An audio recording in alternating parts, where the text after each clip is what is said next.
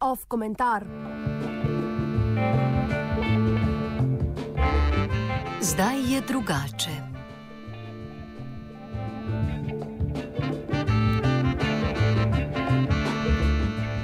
Prejšnji teden sem se v Bruslju udeležila seminarja za novinarje o prihajajočem evropskem volitvah z naslovom Zdaj je drugače. Odkrito priznavam, da sta moje zanimanje in znanje o delovanju Evropskega parlamenta povezana zgolj z vrčevalnimi ukrepi, nekaterimi elementi zunaj politike in z od Bruslja finančno požegnanimi projekti, zaradi katerih kakšen prijatelj tu in tam dobi enoletno zaposlitev. Ampak s tokratnimi volitvami bo vse drugače.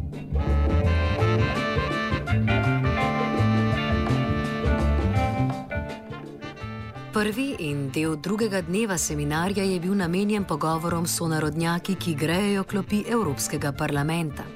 Splošni vtis, ki so ga dajali pravzaprav vsi slovenski europoslanci, s katerimi smo sedeli za isto mizo, je pretežno meglen. Razen morda dveh ni bilo slišati o konkretnih rezultatih, s katerimi bi me prepričali o tem, da bi jih bilo dobro ponovno voliti.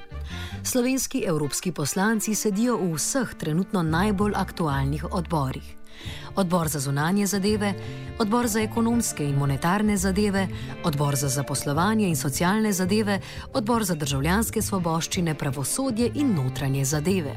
Se mi pa zdi precej problematično, da je velika večina odgovorov na konkretna vprašanja, ki so bila zastavljena strani 17-članske novinarske ekipe, bila pravzaprav bolj kot ne pokroviteljska, naslovljena z izgovori in prelaganji krivde, kot pa z odgovori. Tri vrste replik, ki jih imajo radi evropski poslanci, so sledeče.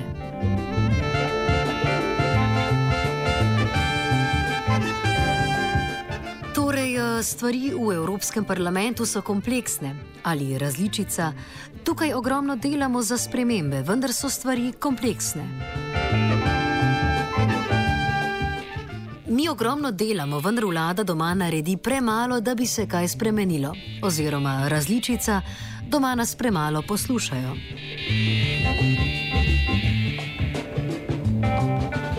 Novinari v Sloveniji nam, evropskim poslancem, ne delate uslug in premalo poročate o tem, koliko se dogaja v Evropskem parlamentu in kako mi pripomoremo k boljšemu življenju v nederju mame Evrope. Oziroma, različica, novinari pišete le o naših velikih plačah.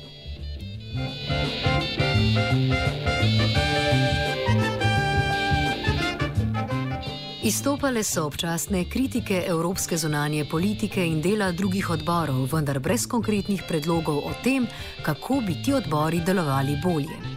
Vsi slovenski poslanci, ki nameravajo ponovno kandidirati na evropskih volitvah, ki se kanijo zgoditi med 22. in 25. majem, naj bi sicer vestno nadaljevali z delom v svojih odborih, ker zdaj je drugače.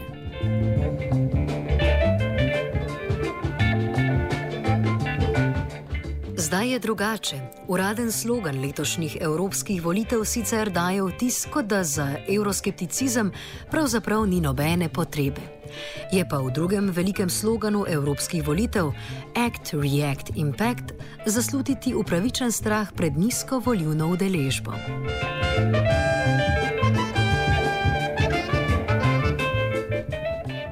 Zakaj šteje vaš morebitni glas in kaj bo torej zdaj drugače? Bolj malo. Dve izmed največjih sprememb, ki jo navajajo v Evropskem parlamentu, sta povezani s spremembo načina izvolitve predsednika Evropske komisije ter večjimi pooblastili Evropskega parlamenta. Predsednika Evropske komisije bodo prvič v zgodovini Evropske unije izbirali izvoljeni člani parlamenta. Predsednik Evropske komisije bo prihajal iz politične skupine, ki bo na evropskih volitvah dobila največ glasov.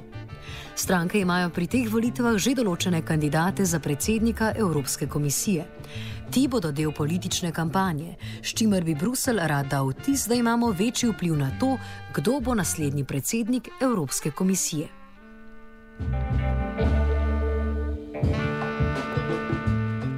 Z Lizbonsko pogodbo naj bi bila okrepljena moč parlamenta glede zakonodaje, proračuna in tudi političnega nadzora, kar v Bruslju imenujejo korak naprej v smislu demokratizacije Evropske unije.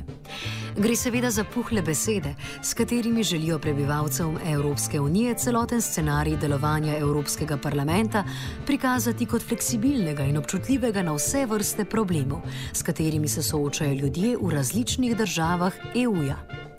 Realnost seveda leži v tem, da ostajajo lobisti glavna sila, ko gre za spremembe zakonodaj znotraj Evropske unije. In da ljudje s tem, ko se bodo odločali za eno izmed političnih opcij v Evropski uniji, pač ne bodo imeli prevelikega vpliva na spremembe, ki bi si jih želeli.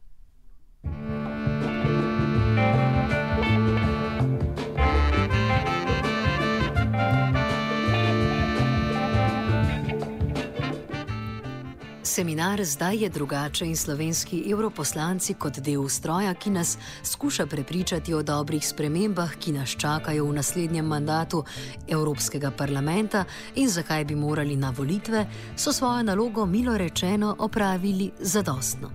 Brez velikega števila konkretnih predlogov in odgovorov, vendar z velikim priokusom po samo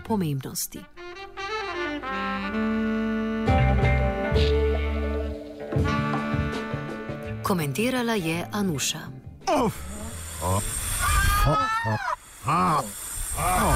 Off komentar.